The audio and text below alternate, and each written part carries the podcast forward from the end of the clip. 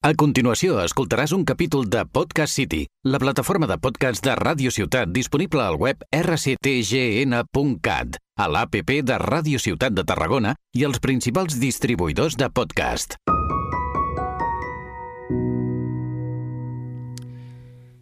Quan penso en mon pare em venen dues coses al cap, la música i el pensament. A vegades són el mateix, les lletres ens fan reflexionar però sovint les cantem sense aturar-nos a escoltar el que realment ens volen dir. Els pròxims minuts van d'això, de parar un moment i veure el que ens expliquen. Som-hi!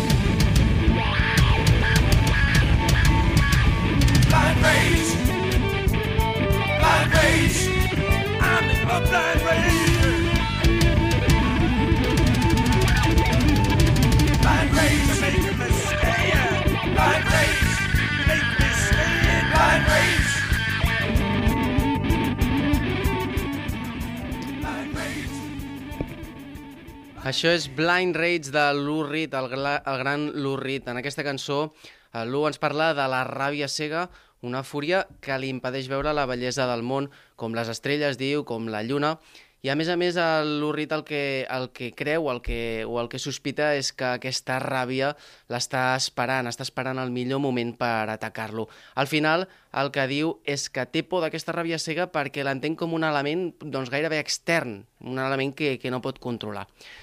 Bé, fins ara sempre he parlat de temes dels quals no tenia ni punyetera idea, no sé si us n'heu adonat, però avui abordaré un aspecte que podria considerar-me un expert. Val? Parlaré, com haureu pogut esbrinar, de la ràbia, de la fúria. Des de que sóc un xaval he tingut eh, bastanta ràbia, he sigut un xaval sempre bastant rabiós des de petit, em fotia cops de cap contra la paret quan, quan en plan no podia, um, vull dir, no, no, no, no tolerava determinades coses o les coses no em sortien bé, em fotia directament cops contra la paret. Amb el temps vaig uh, madurar una mica, vaig veure, clar, que allò no, no podia seguir, que havia de fer un canvi de xip, vaig passar de fotre'm cops de cap a fotre cops als objectes, primordialment objectes cars, vale? objectes com mandos de la Play, mòbils, miralls, etc. Eh, Soc una persona que té una ràbia molt sibarita, per dir-ho així. Val? Soc, el, en definitiva, puc dir que sóc tot un entès en el tema de la ràbia, puc dir que sóc, per exemple, el, el Quique da Costa, el puto Quique da Costa de la ràbia, vale? El Quique da Costa, si no ho sabeu, és un xef. Eh, jo no tenia ni punyetera idea de qui era, la veritat, fins que l'altre dia vaig entrar en un súper i vaig veure el seu jeto estampat en una bossa de patates d'aquestes amb gustos estranys, de tòfona i no sé quines collonades.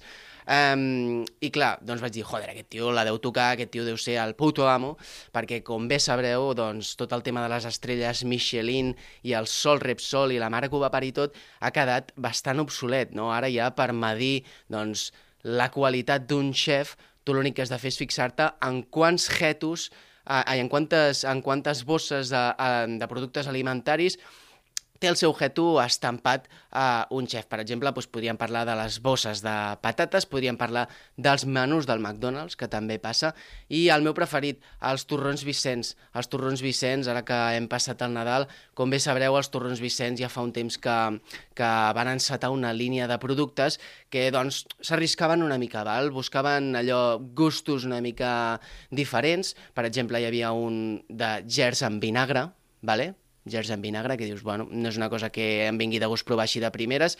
Un, un altre de vi, i també em vaig veure un que era de, de cervesa inèdit, no de cervesa, ja, ja és prou aberrant la, la mescla turro-cervesa, no, ha de ser cervesa inèdit, si no ho sabeu, la cervesa inèdit és la, per dir-ho així, la gamma extra o la gamma superior de la DAM, eh, s'aconsegueix, bueno, quan tenen ja la cervesa mm, feta, vale? eh, ve al cap de la DAM, es fa una paja eh, allà en el tanc i l'espumeta aquesta és, és la, la cervesa inèdit, vale? el pròxim cop que, que en beveu ho penseu.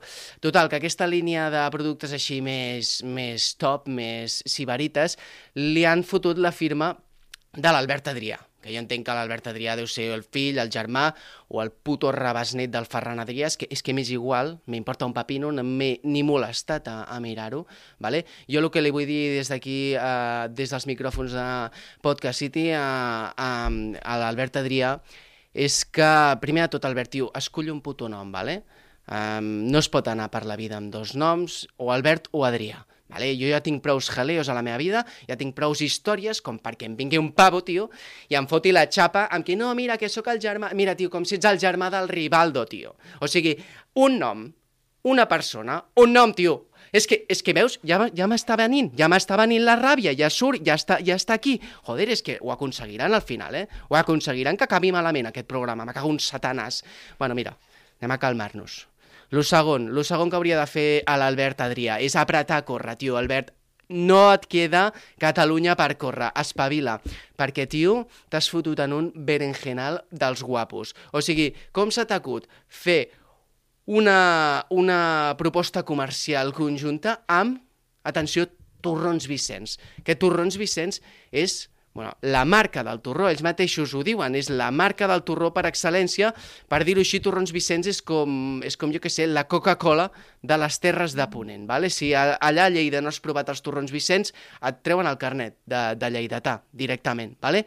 I la qüestió és que Torrons Vicenç, clar, és una marca centenària, per no dir mil·lenària, i allà tenen un follon muntat d'hereus, de patriarques i d'històries que es podrien fer 24 temporades de Successions, vale?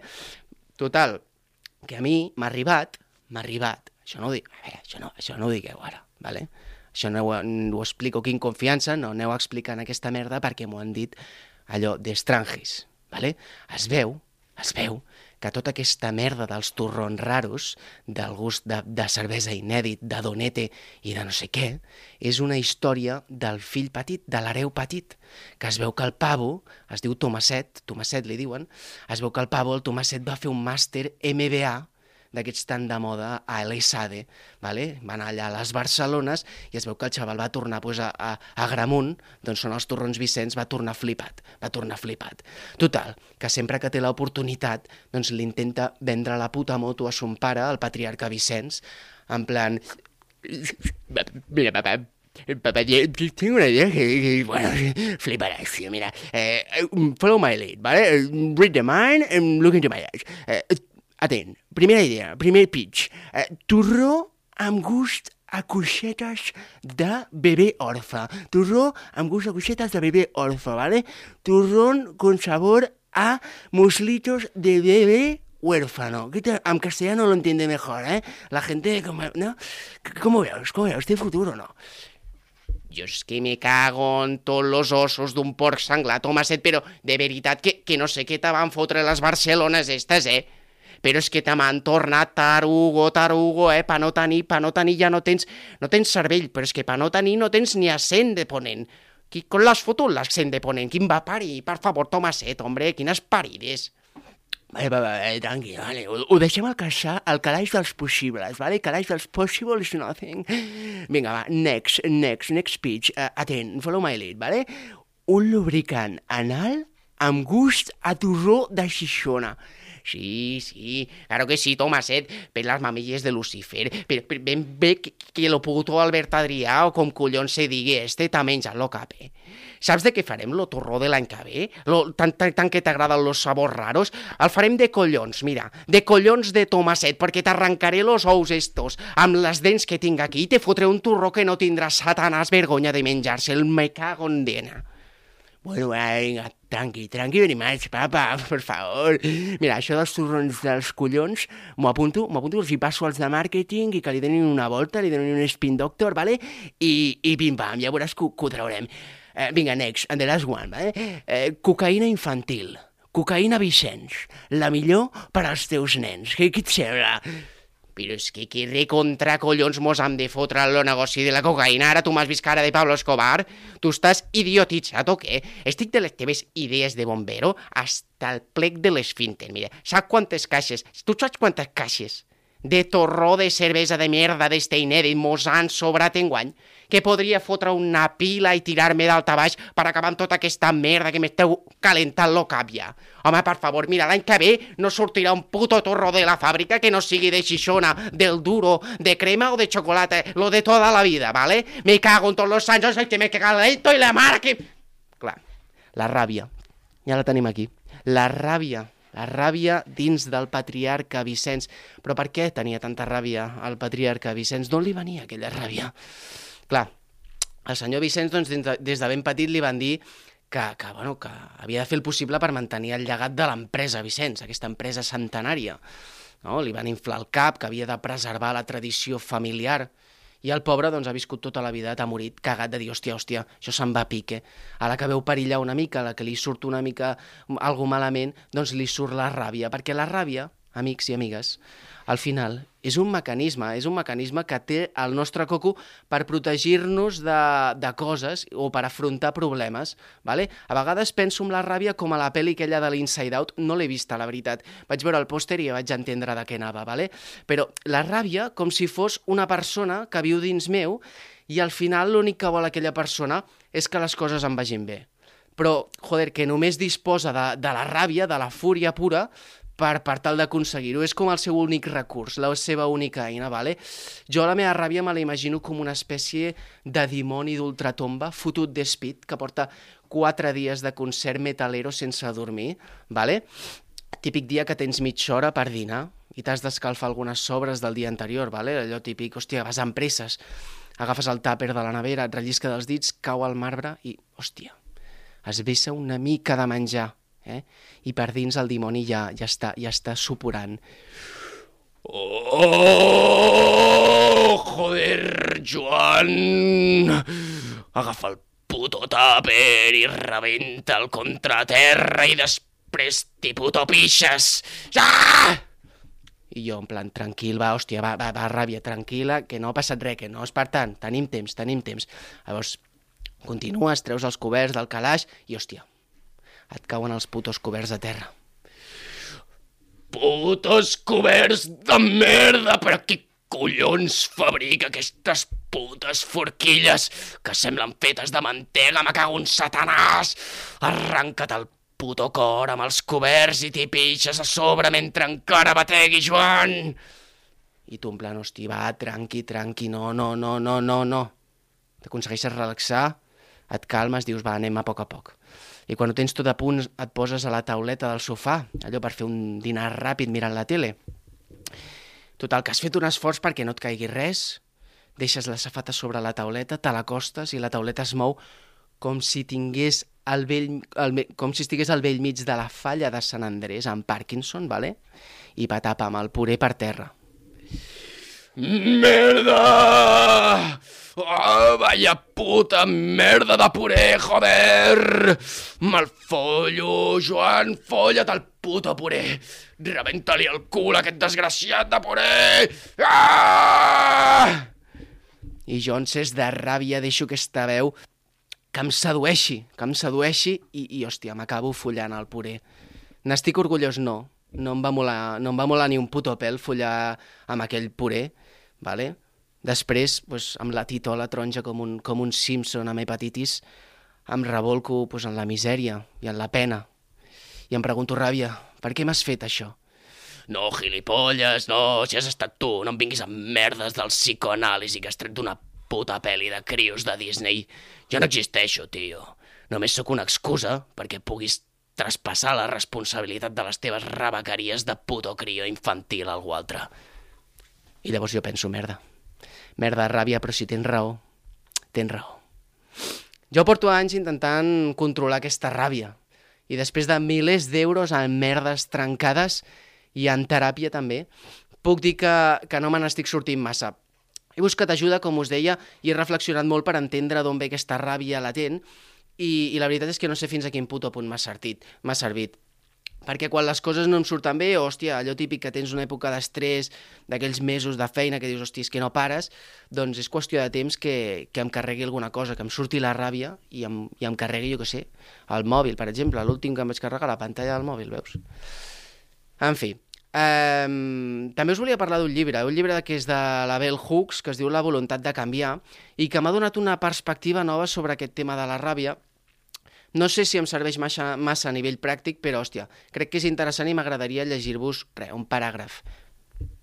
Diu, bona part de la ira que expressen els nois no és altra cosa que una reacció a l'exigència que no mostrin cap altra emoció. La ira és més gratificant que la insensibilitat perquè sovint porta a més accions instrumentals. La ira pot ser, i normalment és, l'amagatall per a la por i el dolor. El pensament patriarcal encoratja els nois a reivindicar la ràbia com el camí més fàcil a la masculinitat. Toma ja, eh? Joder. En aquest podcast ja vam parlar de les emocions, però, hòstia, no està mai de més recordar que molts tios estem com insensibilitzats, sobretot des de l'adolescència, que és un procés que jo penso que, que això, que ens insensibilitzem a saco. La Bell Hooks, en aquest llibre, fa servir el terme d'automutilació emocional. Cuidao, com si et tallessis un braç, doncs com si et tallessis una emoció. Durant, per, per fer referència doncs, al, al procés aquests que molts homes vivim um, d'apartar les nostres emocions i per tal de doncs, assolir la, la masculinitat que ens demana el sistema. Um, jo crec que tenim aquesta idea tan calada que molt sovint no podem controlar aquesta ràbia com que és l'únic sentiment que podem expressar, doncs a vegades se'ns en va de les mans. I per això té tot el sentit del món allò que deia el Lurrit, que tenia por de la seva fúria, perquè, hòstia, no la podia controlar. En fi, jo crec que és fort adonar-se, o com a mínim per mi és fort, adonar-me que l'única emoció que em permeto sentir amb tota la seva força és la ràbia, i penso que seria la hòstia ser capaç d'expressar la felicitat, o jo que sé, o la pena també, amb aquesta intensitat. Bueno, Avui marxo amb una cançó sense lletra, però que espero que us serveixi en moments que la ràbia estigui, doncs, poguent amb vosaltres i en aquests moments que dius, estic a punt de perdre els nervis. Així que chill the fuck down, men and women. Vale? Escolta aquesta cançó que és La Pera, és de Portico Quartet i es diu Pricky Bear.